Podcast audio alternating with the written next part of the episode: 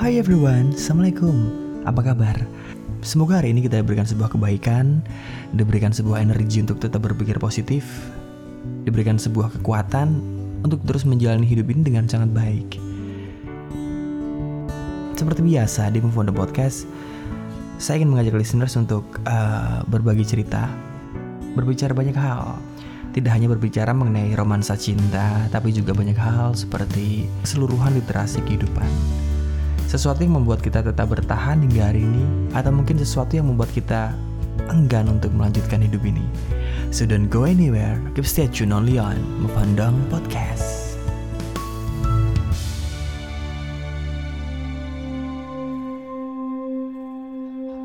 Listeners, di episode kali ini saya akan mengajak listeners semua untuk melihat sebuah hal yang mungkin kita semua pasti pernah mengalaminya. Sebuah hal yang kayaknya dihindari oleh banyak orang, bahkan termasuk saya. Sebuah hal yang sering kita sebut dengan kenyataan pahit. Listeners, kenyataan hidup yang kita hadapi, sebuah jalan hidup yang sedang kita jalani sering banget tidak semulus yang kita rencanakan. Rencana yang sudah baik, strategi yang sudah matang, terkadang tidak selalu berjalan pada jalur yang kita inginkan. Bahkan membuat kita belok ke kanan, belok ke kiri, atau bahkan putar balik. Saya tidak akan menutup mata dan akan mengiyakan kalau ada orang berkata bahwa sulit untuk menerima sebuah kenyataan hidup. Terlebih kalau kenyataan itu sangat pahit.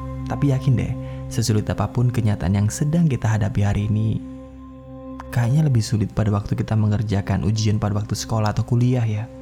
Coba deh, waktu kita kuliah atau sekolah dulu, kita dihadapkan oleh sebuah soal yang sama sekali kita tidak mengerti. Dan kita semua terkekang oleh batasan waktu dalam mengerjakan soal. Pilihannya cuma dua, ngawur atau mencontek. Listeners, siapa yang sepakat dengan pemikiran saya bahwa tidak mudah menjadi manusia dalam hidup ini? Yang sekedar hidup dan menjadi orang banyak tapi bagaimana dengan menjadi manusia? Manusia di sini adalah sosok orang yang memiliki jiwa manusia. Bukan sekedar hidup. Ada yang merasa hidupnya selalu penuh dengan masalah. Ada juga yang merasa sudah melakukan hal-hal baik, sudah melakukan hal yang maksimal, tapi kok hasilnya nggak maksimal ya? Tapi kok bad luck mulu? Di saat kita mencoba untuk berbuat baik, eh orang lain menganggap bahwa kita ada maunya. Dan di saat kita berbuat jahat, eh yang ada kita dibully, lalu kita dijauhin dan kita diasingkan.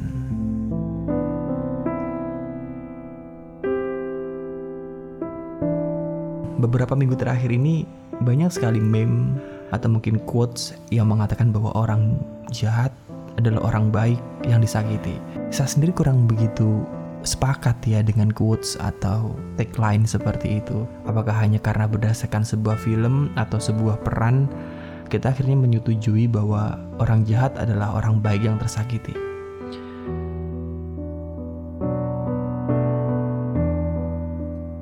Saya tidak akan meneruskan ketidaksetujuan saya terhadap pemahaman tadi karena akan jauh melenceng dari poin episode kali ini. Bagaimana menerima sebuah kenyataan pahit dengan menjadi manusia yang menerima segala sesuatu dengan apa adanya.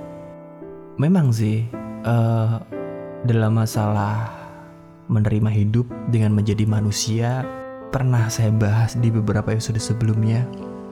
Kalau memang maunya gampang, mending gak usah hidup. Tapi kan kita sudah diberikan sebuah kesempatan hari ini saya percaya kalau listeners masih mendengarkan suara saya, itu artinya Anda masih hidup dan Anda masih diberikan sebuah kesempatan. Kita ini adalah makhluk yang tangguh. Kita bukan kaum fatalis yang lemah. Jadi nggak mungkin dong kalau kita menyia-nyiakan hanya karena tidak mudah menjadi manusia.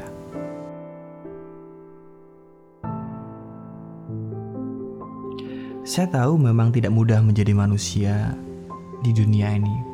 Karena kalau kita sudah menjadi manusia, artinya kita harus bisa memanusiakan orang lain. Kita harus bisa menerima semesta dan takdir Tuhan dengan apa adanya. Tetapi sesuatu yang tidak mudah bukan berarti tidak bisa kita kerjakan. Inilah sebuah kenyataan.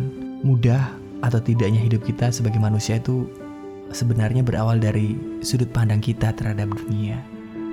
Kalau kita melihatnya dari sisi negatif terus, believe me, semuanya kayaknya gak gampang. Semuanya kayaknya mustahil. Semuanya kayaknya gak ada yang bagus. Tapi kalau kita bisa merubah cara pandang kita, perlahan tapi pasti hidup kita akan berubah. Semua orang di dunia ini bahkan termasuk saya memiliki peran masing-masing. Dan memang saya sendiri sudah pernah mengalami hal seperti itu. Saya pernah bertemu dengan seseorang yang mungkin dianggap nggak spesial, bertemu dengan seseorang yang dianggap nggak penting dalam sebuah kehidupan. Ibaratkan seperti kerikil di pinggir jalan, ada tapi nggak pernah dianggap ada. Tapi rupanya semesta berkata lain. Orang inilah yang diberikan peranan untuk membantu hidup saya pada waktu itu. Saya tergolong mahasiswa yang memiliki kemampuan finansial cukup di bawah rata-rata ya. Saya membiayai kuliah saya sendiri dan biaya hidup saya waktu itu. Dan orang itu, orang yang dianggap tidak penting, ternyata mampu merubah sudut pandang saya. Dan itulah peran yang dia miliki. Sementara peran saya adalah mengikuti jejak dia, mengikuti arahan dia. Nah, dari inilah saya belajar bahwa Sering sekali kita melihat orang lain dalam hidup kita dari sisi luar, ya nggak sih? Kita sering banget berkata, jangan pernah melihat buku dari sampulnya, tapi pada prakteknya kita selalu melihat orang lain dari sisi luar. Kita melihat seseorang dari penampilan, dari gaya berbusana. Kita menilai seseorang dari pekerjaannya, apa jabatannya, dan berapa salary yang dia dapatkan per bulan. Kita mampu menilai seseorang kalau orang itu bernilai. Bukankah seperti itu? Kemudian kita mulai menghakimi, ya walaupun dalam hati ya, tapi sebenarnya bahaya. Karena pada akhirnya yang ada di dalam akan terbawa keluar. Dan bila hari ini listeners sedang menjalani sebuah kehidupan yang sangat tidak baik, sedang menjalani sebuah kenyataan hidup yang sangat berat, Anda bisa memulai dengan merubah sudut pandang di saat kita menghadapi sesuatu yang tidak kita harapkan, kita sering sekali bertanya atau mungkin menggerutu dalam hati ya, mengapa harus begini? Mengapa harus saya? Mengapa harus sekarang? Pertanyaan-pertanyaan seperti ini sering banget muncul dalam hati dan juga dalam otak. Step yang bisa kita lakukan pertama adalah merubah kata mengapa menjadi memang. Memang kenyataannya seperti ini. Memang harus saya mengalami. Memang harus saat ini. Kata mengapa sendiri berkonotasi dengan penolakan, berkonotasi dengan pengharapan berbau penolakan terhadap sesuatu yang sangat tidak kita inginkan. Kita berharap sesuatu yang terjadi ditarik kembali oleh Tuhan. Kita berharap semesta yang sudah menolak kita menarik kembali tolakannya. Sangat berbeda dengan kata memang. Memang sendiri berkonotasi terhadap sebuah penerimaan, berkonotasi terhadap sebuah keikhlasan untuk mengambil sesuatu dengan tangan terbuka. Sebuah hal yang sangat sederhana, sebuah hal yang sangat simple, merubah kata mengapa menjadi memang mungkin terdengar sangat konyol. Tapi percaya deh, dengan merubah kata ini akan membantu Anda melihat dari sudut pandang yang berbeda. Dengan merubah sudut pandang, akan menentukan jalan apa nih yang selanjutnya bisa kita ambil. Merubah sudut pandang menjadi sesuatu yang sangat penting di saat kita ingin menghadapi sebuah kenyataan yang mungkin tidak bisa kita terima. Hal itu akan sangat bermanfaat kalau kita bisa mengcombine dengan belajar ikhlas. Siapa sih dalam hidup ini yang tidak pernah belajar untuk ikhlas? Ikhlas sendiri adalah sebuah ilmu yang paling lama dan paling sulit untuk diterapkan. Sangat mudah memang untuk menasihati orang lain untuk tetap ikhlas, tapi faktanya cukup susah ya untuk melakukan dalam kehidupan sehari-hari.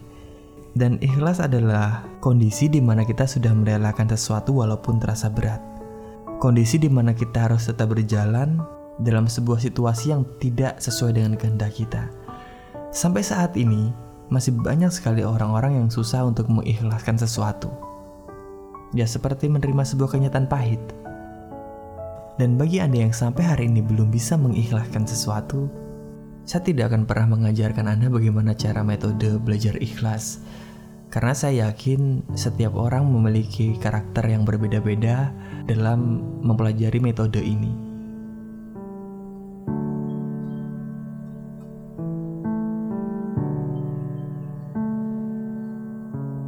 Tapi satu hal yang saya rasa sama adalah untuk menuju sebuah ikhlas kita harus lapang dada.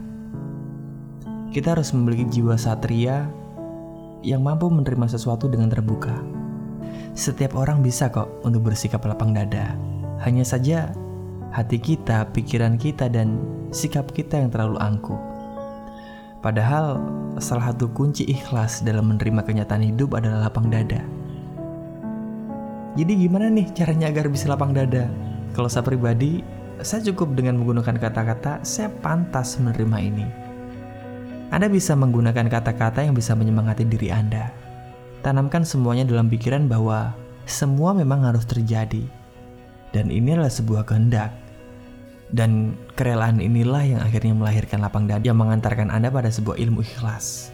Dan tapi kalau masih saja susah untuk menerima sebuah kenyataan pahit artinya ada satu hal yang kita lupakan. Kita lupa untuk memaafkan. Kita tidak perlu menyalahkan orang lain sehingga akhirnya kita harus memaafkan orang lain. Kita cukup memaafkan diri kita sendiri. Kita cukup memaafkan perilaku kita, kita cukup memaafkan sikap kita yang membawa kita ada dalam sebuah kenyataan yang tidak ingin kita terima. Setiap orang, siapa pun juga pasti pernah melakukan kesalahan, termasuk diri saya. Kita harus bersikap satria bahwa kita memang telah melakukan kesalahan, atau mungkin suatu hal yang menyebabkan kenyataan itu terjadi. Memaafkan diri kita berimpact kepada sikap untuk berdamai kepada sebuah keadaan. Saya percaya bahwa kenyataan pahit memang harus terjadi. Itu adalah sebuah hadiah yang diberikan Tuhan kepada kita. Inilah cara bercanda semesta kepada kita. Cara Tuhan berbicara untuk kita tetap berpikir positif. Kalau saat ini apa yang Anda harapkan belum terjadi ya, keep in positive thinking. Tetap berpikir positif karena pasti suatu saat harapan kita akan terwujud. Kalau tidak besok, bisa jadi tahun depan. Orang selalu berpikir positif pasti mudah untuk mengikhlaskan sesuatu. Orang berpikir positif pasti mudah untuk menghadapi kenyataan yang sangat pahit. Dan pikiran positif juga membuat kita lebih tenang dalam menjalani hidup. Kalau kita selalu memiliki pikiran positif, kesehatan jasmani juga pasti terjaga.